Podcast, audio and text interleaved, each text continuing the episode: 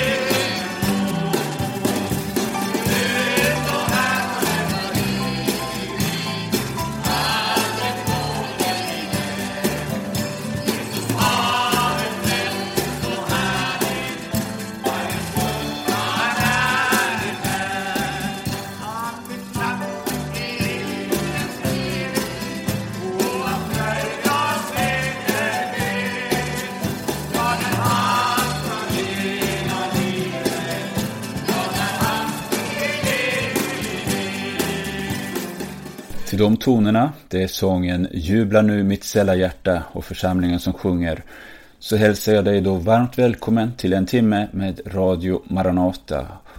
Och den här timmen ska vi ägna åt pingsten. Det är ju snart pingst och vi vill samtala lite här om vad den har inneburit. Denna händelse som var så nödvändig för att församlingen skulle komma i funktion.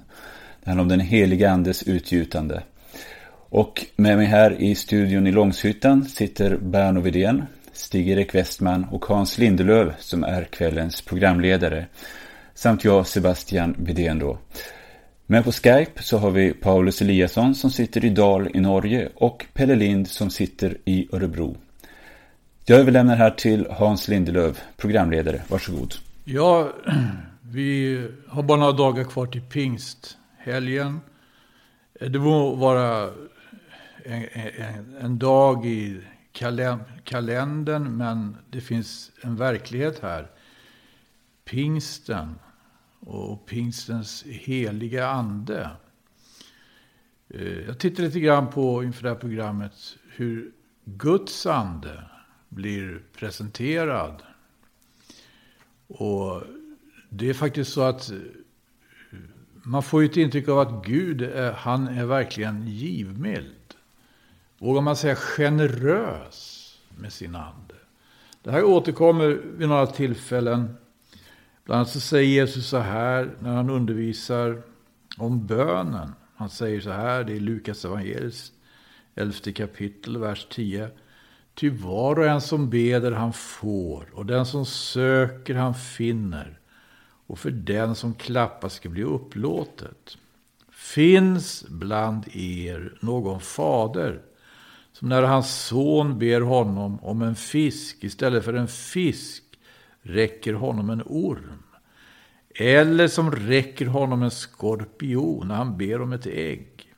Om nu ni som är onda förstår att ge era barn goda gåvor, hur mycket mer ska icke då den himmelske fadern ge helig ande åt dem som bedjar honom.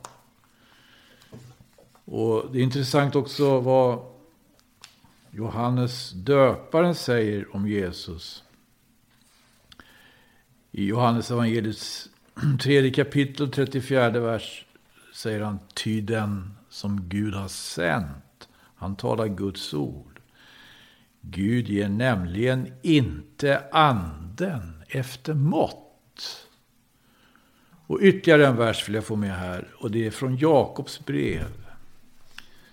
Eh, då Jakob eh, i första kapitlet av sitt brev skriver om det här. Att, alltså, en brist som en människa kan uppleva. Det står i femte versen i första kapitlet. Men om någon av er brister i vishet. Så må han utbedja sig sådan från Gud som ger åt alla villigt och utan hårda ord. Och den ska bli honom given.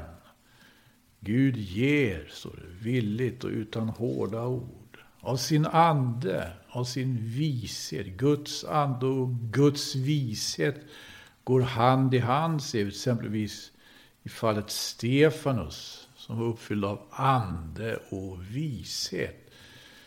Ja, och det här var... Eh, det är också...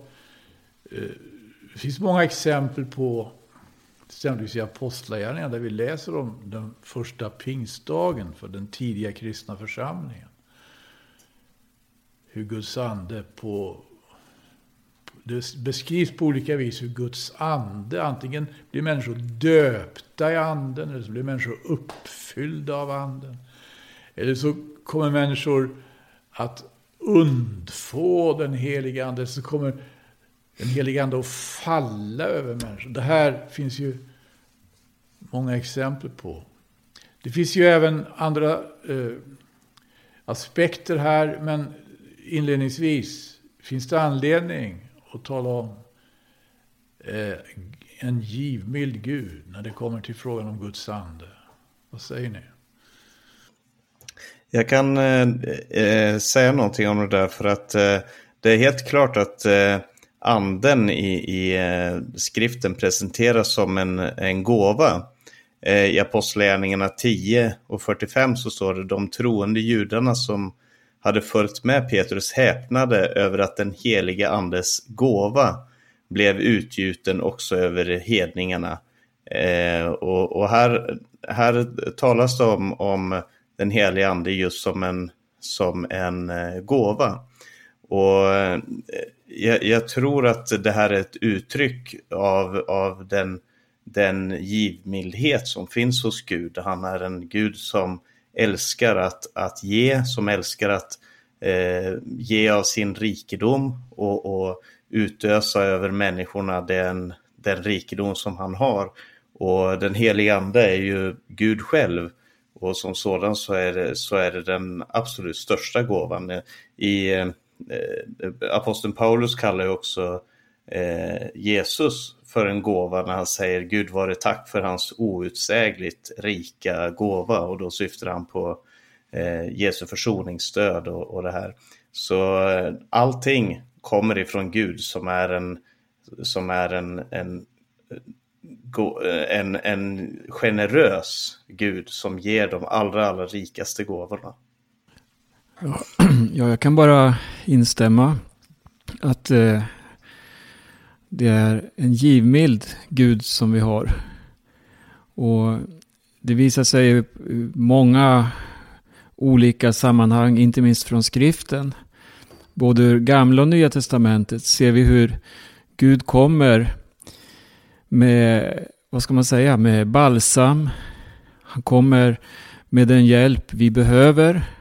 Och allt som Gud ger oss, det är ju gott, det är ju sånt vi behöver. Och Gud, han känner oss bättre än oss själva. Och när det handlar om den heliga ande så är det uttalat en hjälpare, en tröstare och en kraft som Jesus sa att vi behöver den kraften för att vara hans vittnen. Och Gud vill att vi ska vara hans vittnen. Och han ger också förutsättningarna genom den heliga anden. Eh, ja, med tanke på just det här, Gud ger oss sin ande, Gud ger oss sin vishet.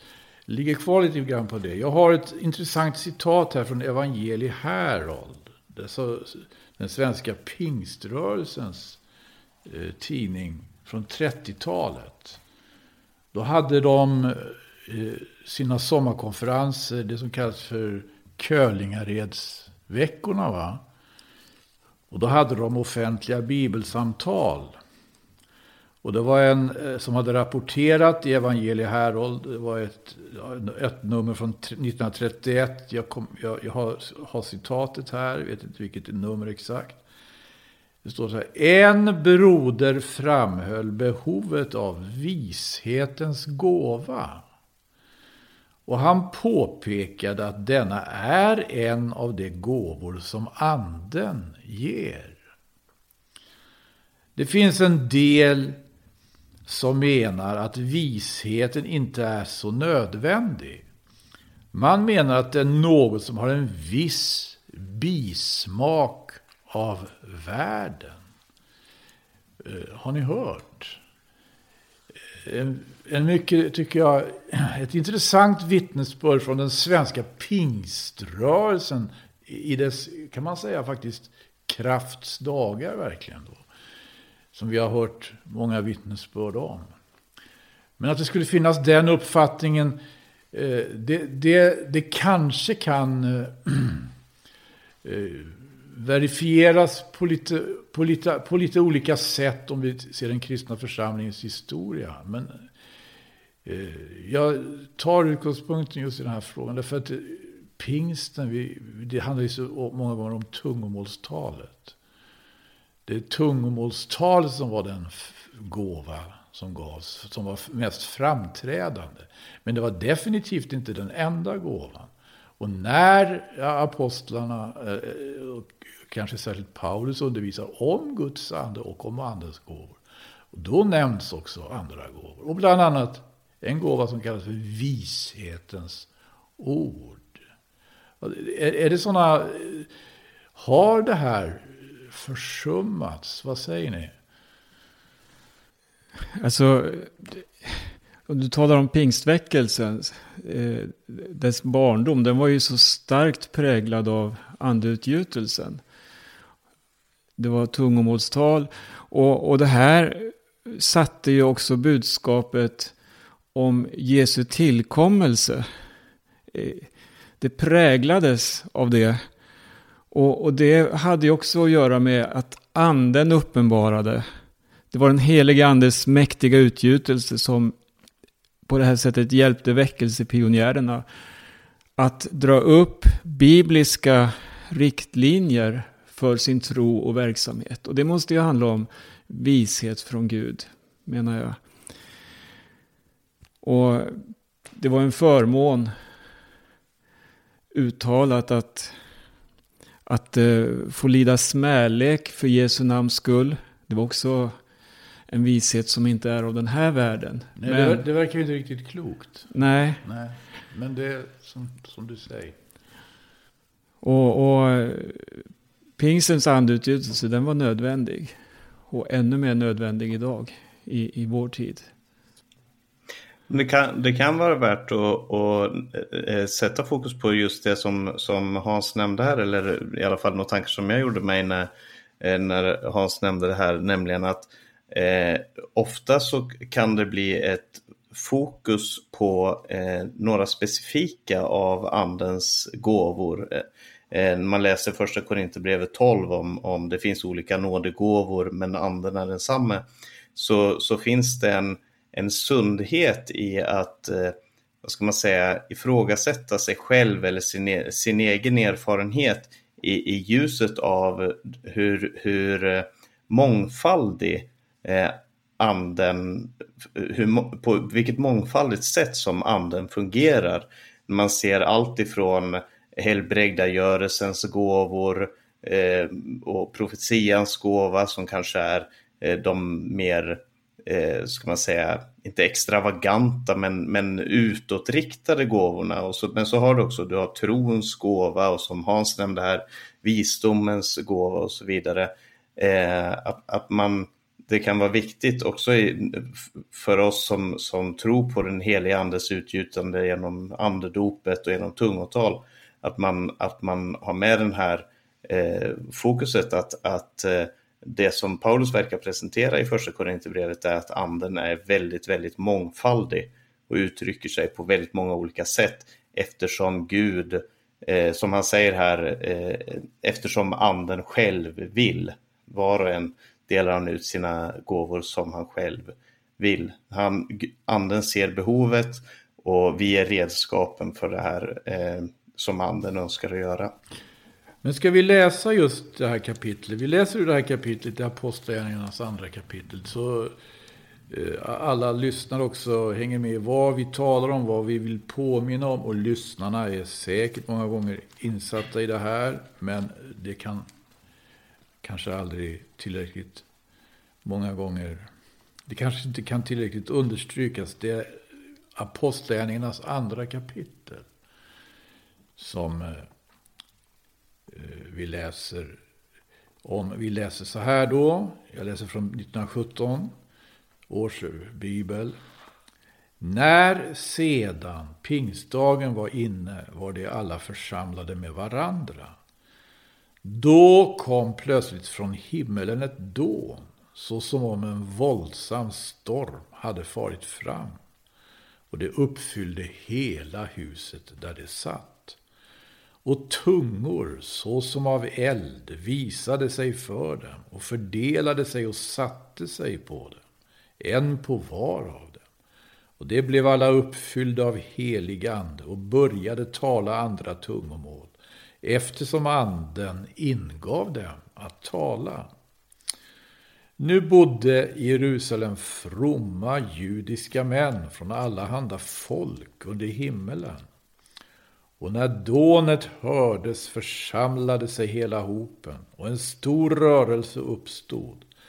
Ty var och en hörde sitt eget tungomål talas av det.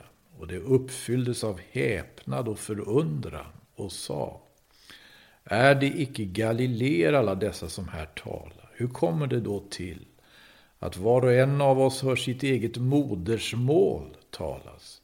Vi må vara parter eller meder eller elamiter. Vi må ha vårt hem i Mesopotamien eller Judeen eller Kappadokien, i Pontus eller provinsen Asien, i Frygien eller Pamfylien, i Egypten eller i Libyens bygder, åt Syrene till eller vara hitflyttade främlingar från Rom. Vi må vara judar eller proselyter, kretenser eller araber. Alla höra vi dem på våra egna tungomål tala om Guds väldiga gärningar. Så uppfylldes de alla av häpnad och visste icke vad de skulle tänka. Och det sa den ene till den andra, vad kan detta betyda? Men somliga drev gäck med dem och sa, de är fulla av sött vin. Då trädde Petrus fram jämte de elva och hov upp sin röst och talade till dem. Ni judiska män och ni alla Jerusalems invånare. Detta må ni veta och lyssna nu till mina ord. Det är icke så som ni menar att dessa är druckna, det är ju blott tredje timmen på dagen. Nej, här uppfylls det som är sagt genom profeten Joel. Och det ska ske i de yttersta dagarna, säger Gud, att jag ska utgjuta av min ande över allt kött. Och era söner och era döttrar ska profetera, och era ynglingar ska se syner, och era gamla män ska ha drömmar. Ja, över mina tjänare och mina tjänarinnor ska jag i de dagarna utgjuta av min ande, och det ska profetera. Och jag ska låta undertecken synas uppe på himmelen och tecken nere på jorden, blod och eld och rökmoln. Solen ska vändas i mörker och månen i blod, Förrän Herrens dag kommer. Den stora och härliga. Och så predikar han här evangelium om Herren Jesus Kristus. Jag tar med en del av det här också tror jag. Och det ska ske att var och en som åkallar Herrens namn, han ska bli frälst. Ni män av Israel hör dessa ord. Jesus från Nasaret, en man som inför er fick vittnesbörd av Gud genom kraftgärningar och under och tecken vilka Gud genom honom gjorde bland er, så som ni själva vet. Denne som blev given i ert våld enligt vad Gud i sitt rådslut och sin försyn hade bestämt. Honom har ni genom män som icke veta av lagen låtit fastnagla vid korset och döda. Men Gud gjorde en ände på dödens vånda och lät honom uppstå eftersom det icke var möjligt att han skulle kunna behållas av döden. Ty David säger med tanke på honom jag har haft Herren för mina ögon alltid. Ja, han är på min högra sida för att jag icke ska vackla. För den skull gläder sig mitt hjärta och min tunga fröjdar sig och jämväl min kropp får vila med en förhoppning. Den att du icke ska lämna min själ åt dödsriket och icke låta din helige se förgängelse. Du har kungjort mig livets vägar, du ska uppfylla mig med glädje inför ditt ansikte. Mina bröder, jag kan väl fritt säga till er om vår stamfader David att han är både död och begraven. Hans grav finns ju ibland oss ännu idag, men eftersom han var en profet och visste att Gud med ed hade lovat honom att av hans livs frukt sätta en konung på hans tron, Därför förutsåg han att Messias skulle uppstå och talade därom och sa att Messias icke skulle lämnas åt dödsriket och att hans kropp icke skulle se förgängelse. Denne Jesus har nu Gud låtit uppstå, därom kan vi alla vittna. Och sedan han genom Guds högra hand har blivit upphöjd och av Fadern undfått den utlovade heliga Ande har han utgjutit vad ni här ser och hör. Det här var alltså budskapet som de bar fram. De talade inte bara i tung, de talade i tung, men de bar också fram det här budskapet. Ja, den här versen tycker jag är så, den är så kärnfull, 33 vers, jag läser om den sedan han genom Guds högra hand har blivit upphöjd och av Fadern undfått den utlovade heliga Ande har han utgjutit vad ni här ser och hör. Den här erfarenheten. Hur pass representerad är den då genom den kristna församlingens historia?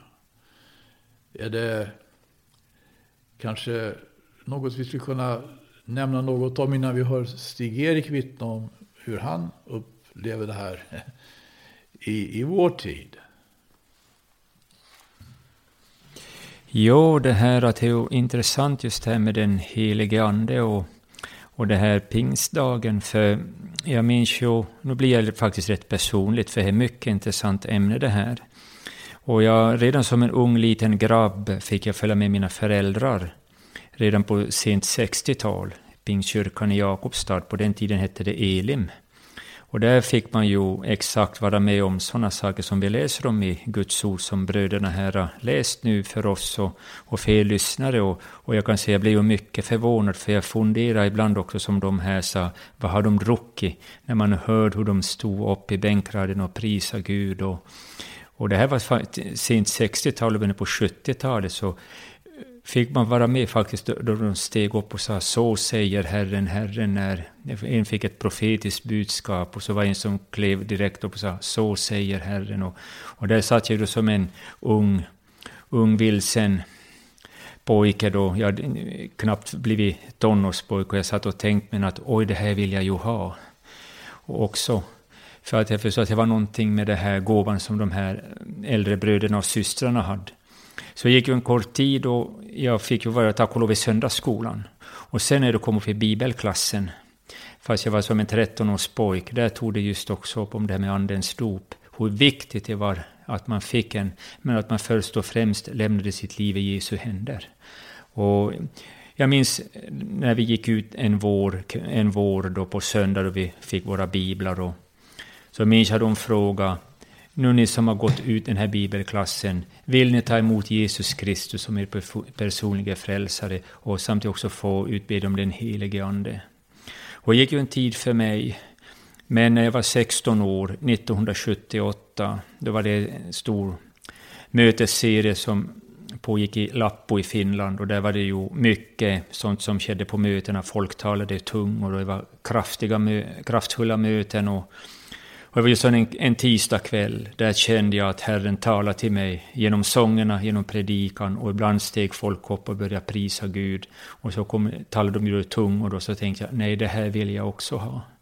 Så jag gick fram då den här kvällen, jag blev frälst, fick lämna mitt liv i Jesu händer. Och, men jag säger, det tog en tid. Men sen minns jag, var tror jag, ett bönemöte då jag sa att jag vill också få andens dop. Och visst, det tog en stund.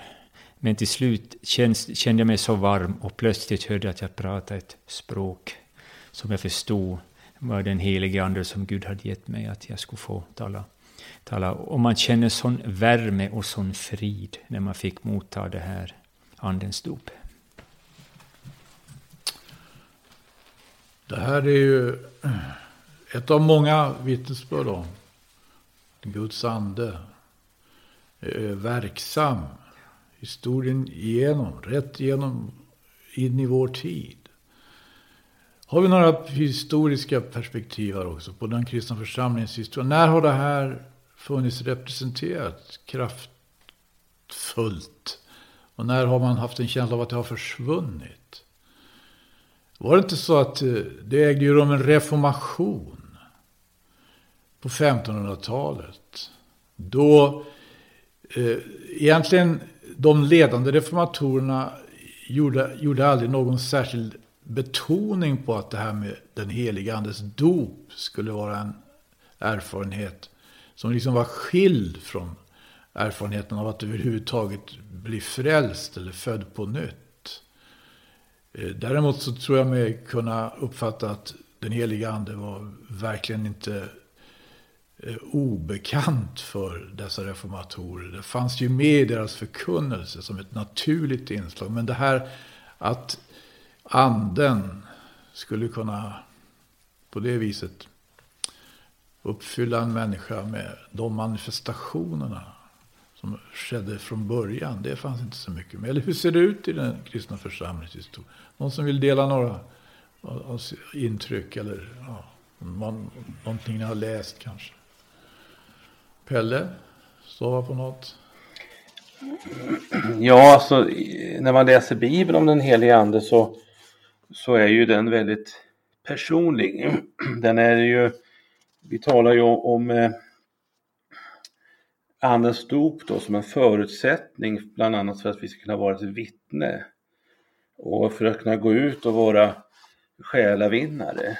Och eh, genom den helige Ande så, så löser vi också kraftfrågan. För när Jesus säger att, att eh, när lärjungarna frågar Jesus om hans tillkommelse så säger han det tillkommer till att veta men den helige ande kommer över er så ska ni få kraft. Och vi talar också om att man får frimodighet genom den helige ande. Vi talar om att vittna, att anden ska tala genom oss. Också genom bönen och vi får också, den för också med sin glädje och lovsång. Tacksägelse och så vidare. Eh, men när det gäller den religiösa världen idag så, så tycker väl, när man tittar lite grann på det så använder man ju ofta andens namn. Man, man ser till exempel hur katoliker, eh, katolska biskopen till exempel i Sverige talar om den helige andes namn. Vi tar, ser eh, svenska ärkebiskopen talar om den helige andes namn, Faderns, Sonen och den helige andes namn. Men på ett eh, ganska opersonligt sätt. Och där man eh, använder den helige Andes namn utan att på något sätt vilja veta av dess kraft.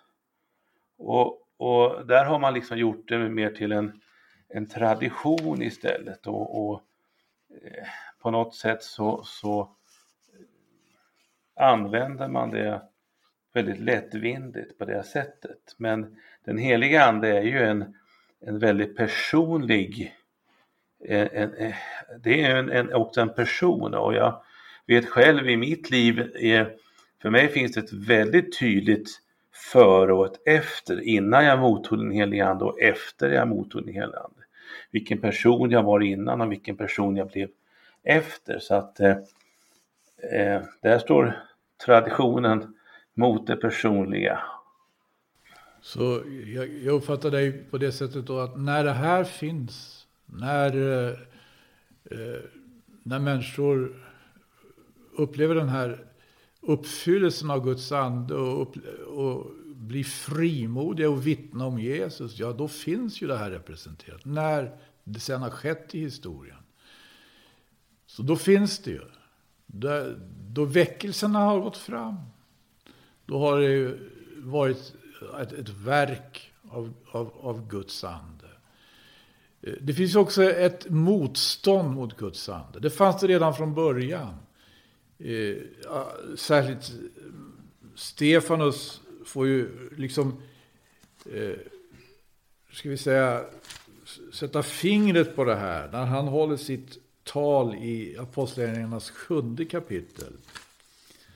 Och går igenom hela historien inför Stora rådet i Jerusalem.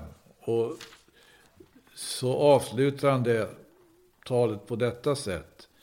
Jag kan ta några verser här. Ifrån den 48 versen i Apostlagärningarnas sjunde kapitel. Dock, den högste bor icke i hus som är gjorda med händer. Ty det är så som profeten säger. Himmelen är min tron och jorden är min fotapall. Varför ett hus skulle ni då kunna bygga åt mig, säger Herren. Och vad för en plats skulle tjäna mig till vilostad? Min hand har ju gjort allt detta. Ni hårdnackade, säger Stefanus till de som lyssnar på honom där. Eller rättare sagt, vägrar lyssna. Men han får fram det här. Ni hårdnackade med oomskurna hjärtan och öron. Ni står alltid emot den helige ande, ni lika väl som era fäder. Vilken av profeterna har icke era fäder förföljt? De har ju dräpt dem som förkunnade att den rättfärdige skulle komma. Han som ni själva nu har förrått och dräpt. Va? Vilket, det här, ni står alltid emot. Det finns ett motstånd i historien mot den heliga Ande. Ett motstånd. Och det kan ju ut, ut, ut, ut, komma till uttryck på olika sätt. Man kan missuppfatta Guds ande. Man kan vara vilse i fråga om Guds ande. Eh, du hade någon fråga där Berno, vad, vad det gäller upp, förhållandet till den heliga. Alltså, Hur vi uppfattar den heliga? När, när jag lyssnade till eh, Pelle här, han, han tog upp eh, om hur man också inom katolska sammanhang, eller inom ekumeniska sammanhang då, eh, talar om anden. Och, och, det finns ju en karismatisk rörelse i Sverige som fick ett väldigt uppsving. Kanske speciellt efter andra Vatikankonciliet. Det som inleddes 1961. Och dåvarande påven han inledde med en bön till anden. Han bad så här, gudomlige ande, förnya dina under i vår tid. Det finns alltså, och, och, och man ska gå vidare sen hur den här rörelsen, den karismatiska rörelsen utvecklats. Så, så blir det med korta ord samling kring minsta gemensamma nämnare. Man får lägga läro eh, strider, alltså teologi och sånt här åt sidan för att samlas istället kring de karismatiska upplevelserna. Och, och där, där, där finns andetillbedjan som ett fokus, som någonting som förenar. Men när vi läser Bibeln och när vi har, vi har läst den här enorma predikan av Petrus på pingstdagen. Vi, vi kan läsa Stefanus. Vi kan se på pingstväckelsens historia, för att ta ett långt kliv då.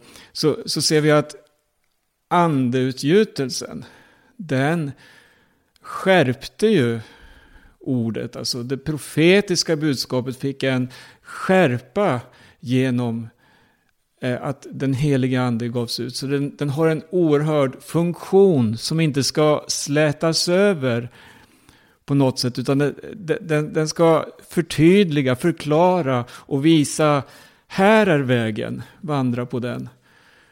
Och, och, och, min frågeställning var då, kan man tillbedja den helige ande? Och jag menar att Bibeln ger inget utrymme för det, utan anden har sin specifikt uttalade funktion. Om det nu går att begränsa det. Men, men Jesus själv talar ju om anden. Han sa att det är bra att jag går bort, för då kommer den helige ande att ges er. Och så talar han om hur den ska uppenbara, avslöja, hur den ska förhärliga Jesus, den ska måla Jesus. Han ska ta av mitt och ge till er och så vidare.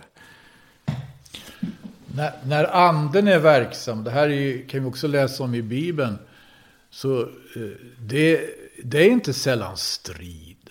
Det är liksom eh, det, det, det, är en, en skara profeter som träder upp och säger så säger Herren. 400 som gjorde det vid ett tillfälle. Eh, men det avslöjades att det var helt enkelt lögn.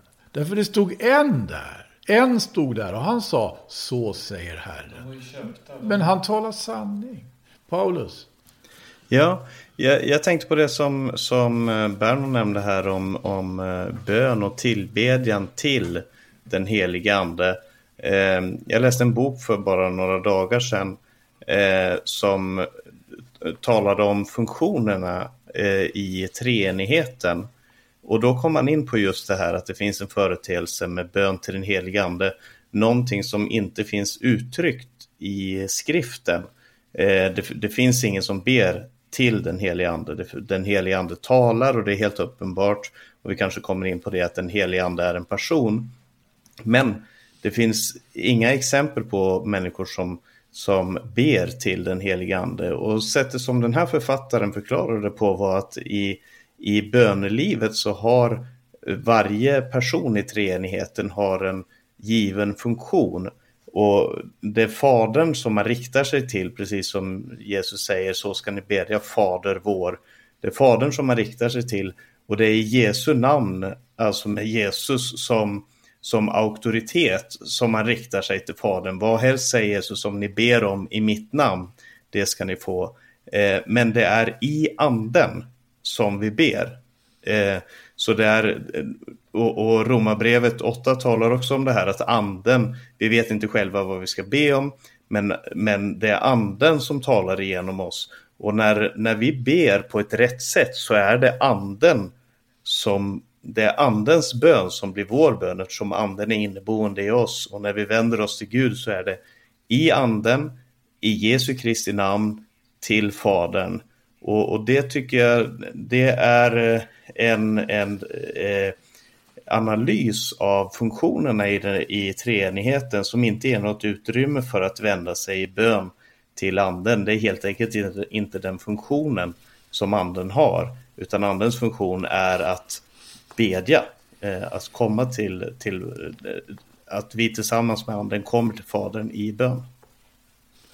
Paulus, i Nya Testamentet läser vi om tungor av eld. Mm. I Gamla Testamentet läser vi om hästar av eld. Hur är det med den heliga ande i Gamla Testamentet? Och du hade några tankar om det? Ja, för att eh, Eh, det finns ju en fråga om hur den heliga ande är verksam i gamla testamentet för att det är tydligt när man läser gamla och nya testamentet att den heliga ande är i mycket, mycket större fokus i nya testamentet. Eh, som du nämner så står det i, i apostlagärningarna om att anden uppenbarade sig som tungor av eld. Och det här eldsymboliken finns också väldigt mycket i gamla testamentet. Du nämnde om om, om den här vagnen av eld. Jag tänker kanske framförallt på eh, den manifestationen av eld som skedde i templet. För det tror jag är en direkt parallell till eh, det som sker i apostlagärningarna när, när anden faller över människor. I gamla testamentet så föll elden över, över templet. Eh, I nya testamentet så föll elden över människor och, och det är den samma Guds härlighet som är, som är verksam. Och man kan ju se självklart att, att anden är, är verksam i Gamla Testamentet redan i första versen. I begynnelsen skapade Gud himmel och jord och jorden var öde och tom och Guds ande svävade över vattnet. Så anden är närvarande. Eh, och, och, det finns också saker och ting som den helige ande gör i Gamla Testamentet. Till exempel i Första Samuelsboken 10 så står det om att anden kom över, över Saul, han den första kungen.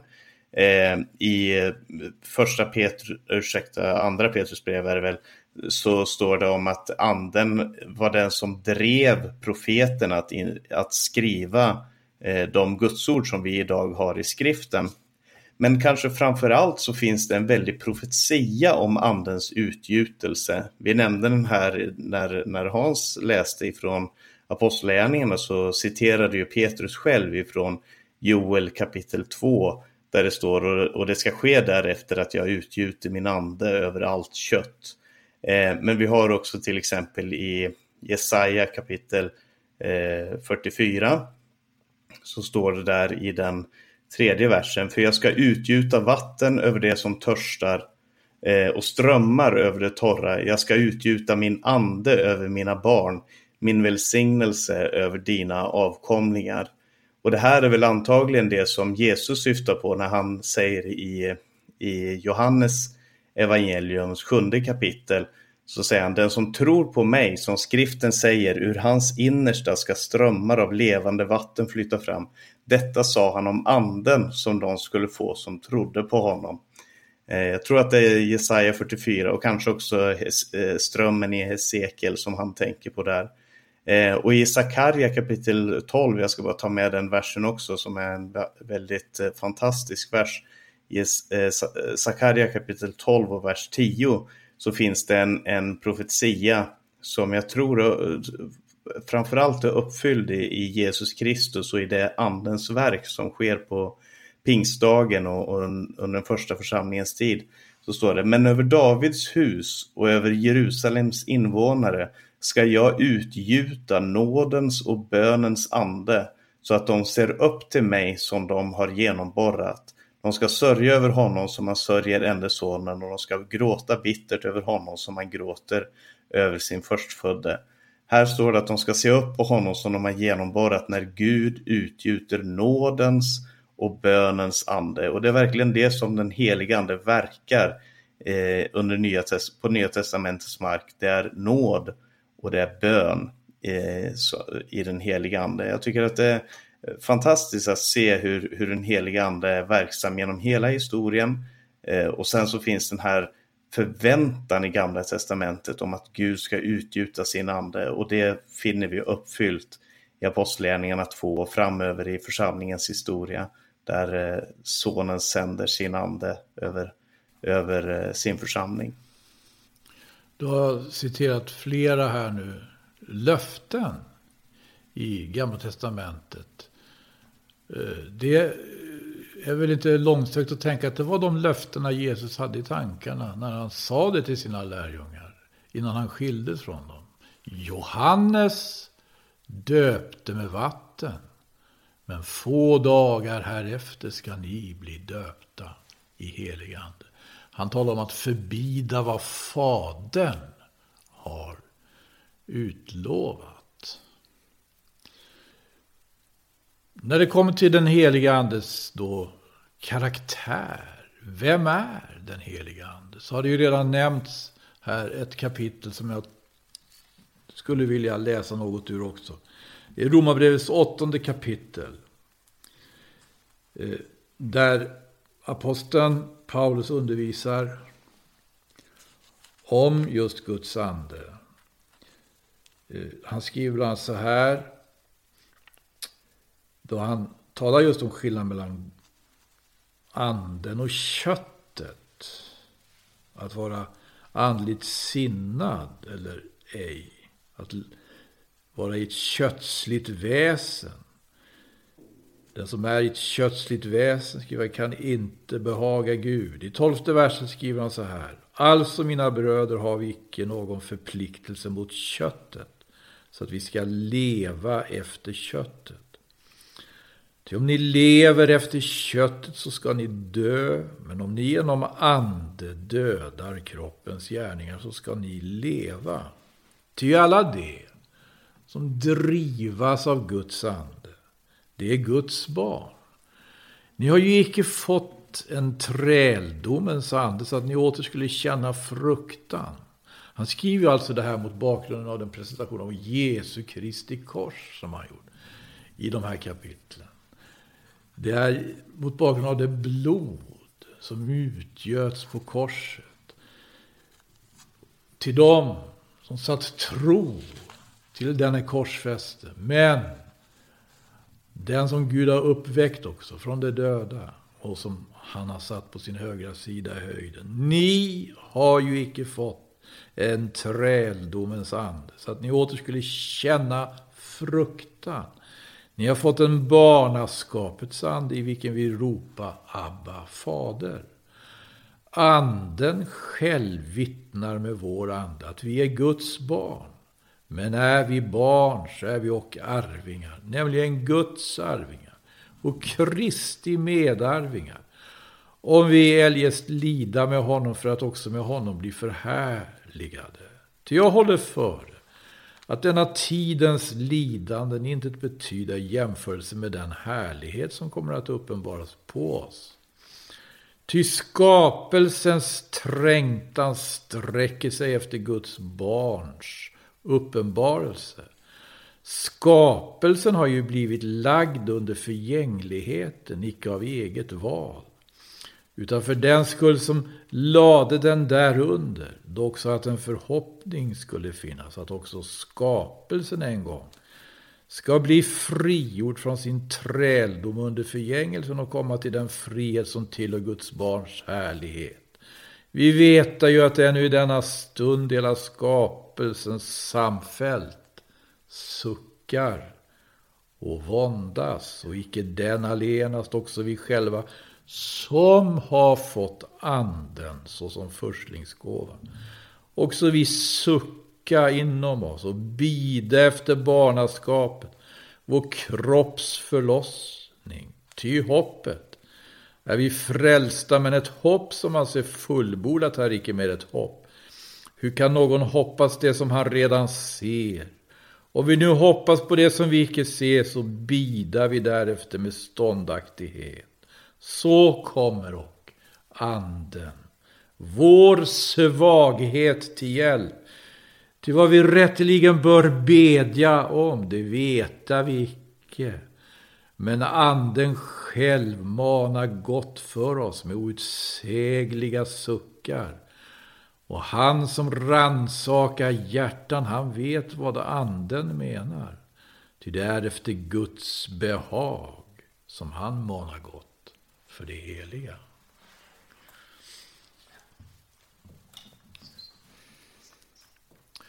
Det här är också ett intressant perspektiv.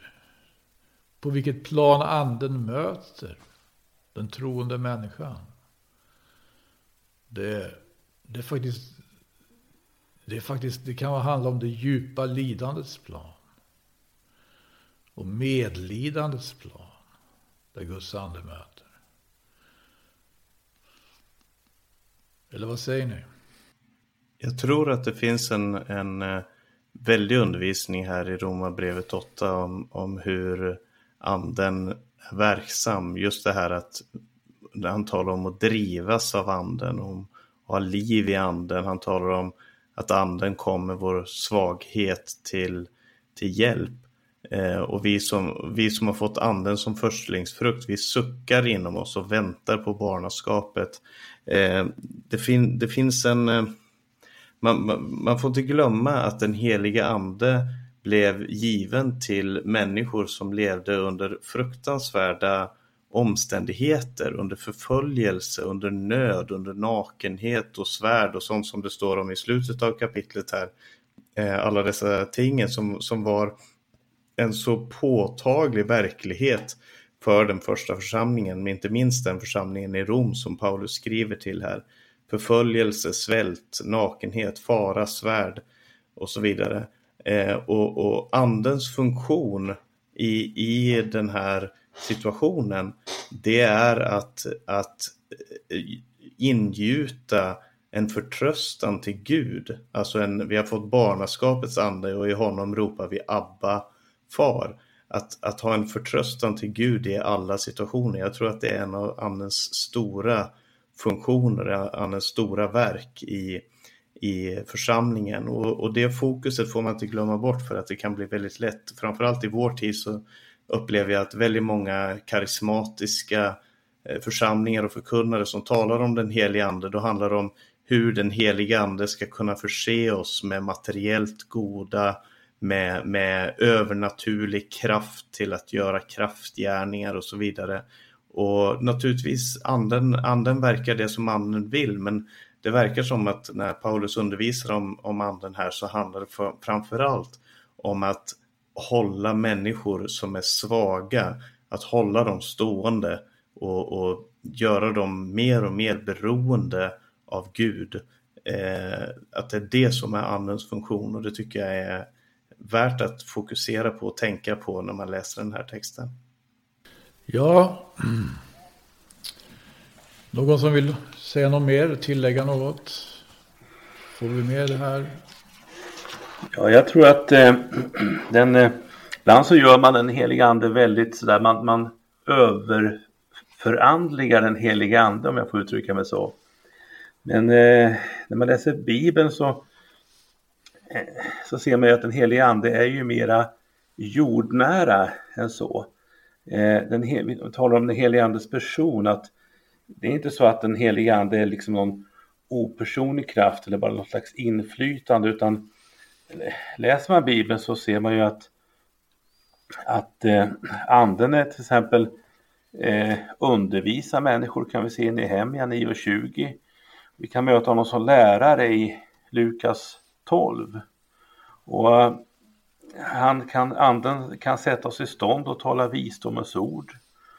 Eh, och så vidare. Och, och eh, för att inte tala om de här gåvorna då som, som eh, vi brukar säga de nio andens gåvor då. Och på alla plan så är ju anden en hjälpare som hör oss till. Vi som har tagit emot Jesus Kristus och vi som har låtit eh, omvända oss. För, för Bibeln talar ju också om, inte bara om att, att man ska döpa sig och så ska man få, få anden som en kraft, utan eh, det står ju i, i andra eh, Apostlagärningarnas andra kapitel står gör bättring, står det. Och låt döpa er så ska ni undfå den helige ande så som en gåva. Så det var ju också det här att, att det, det, krävdes en omvändelse så att det var inte bara utgjutet till, till vem som helst. Så att, eh, och andens eh, person kan vi också säga att han, det finns också en, en, en eh, ett sinne hos anden att det står att man kan bedröva den helige ande i, i Fesibrevet till exempel 4.30.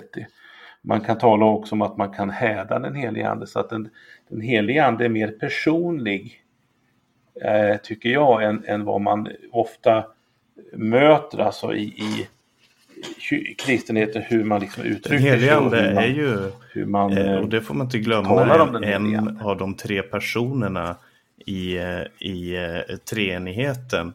Eh, det är väldigt ofta, precis som Pelle sa här, att man, att man kanske reducerar anden till en kraft eller det blir nästan bara som en, eh, anden blir som ett batteri, eh, ett fludium, någonting som man kan koppla på men, men som inte har en egen vilja eller är en egen person.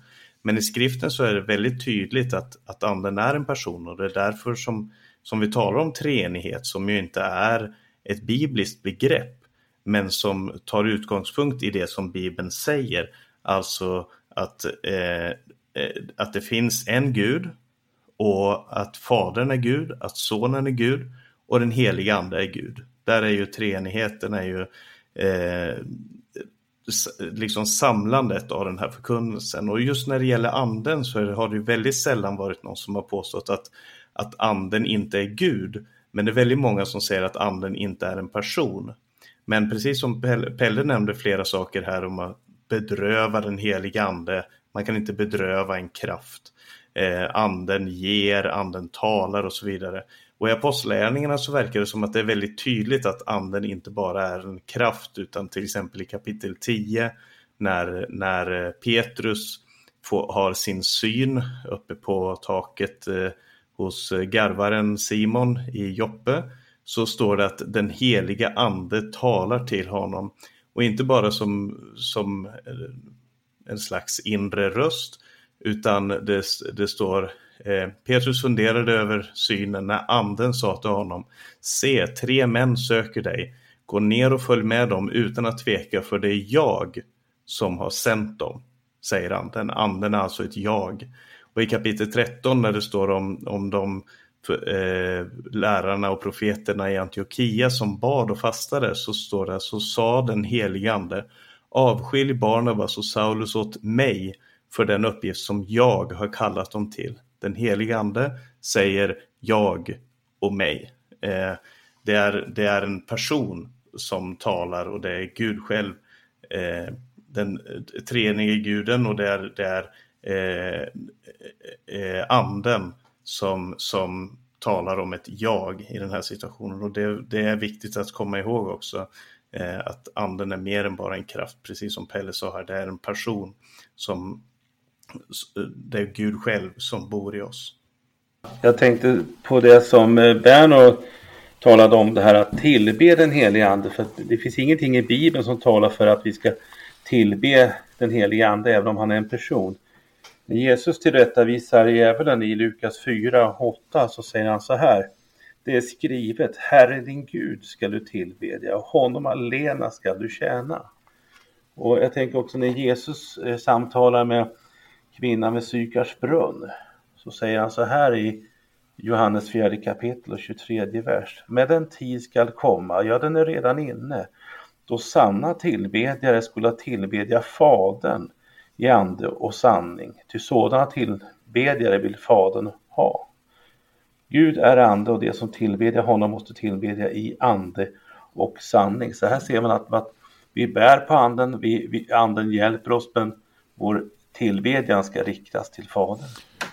Just frågan om koncentrationen på den heliga ande. Det, det, det, är en ganska delikat fråga. Jag kan ta bara och läsa en vers här i kapitel 8 i första Korinthierbrevet då, då undervisar aposteln Paulus eh, och skriver så här från vers 50 om och några så kallade gudar skulle finnas vare sig i himmelen eller på jorden.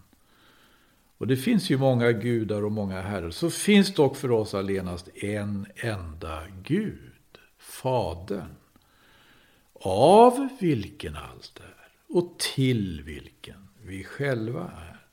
Och en enda Herre, Jesus Kristus, genom vilken allt är och genom vilken vi själva är. Av allt är av Fadern, allt är genom Sonen. Det här finns ju också med i Johannes evangeliets inledning. Genom honom har allt blivit till. Utan honom har inget blivit till. Men anden nämns inte här. Vad beror det på? Det här är också någonting jag tänkt på när det gäller hälsningarna. Eh, varenda brev nästan som apostlarna skriver, hälsningen är ju Nåd vare med er från Gud, Fadern och Herren Jesus Kristus. Jag säger inte att anden inte nämns.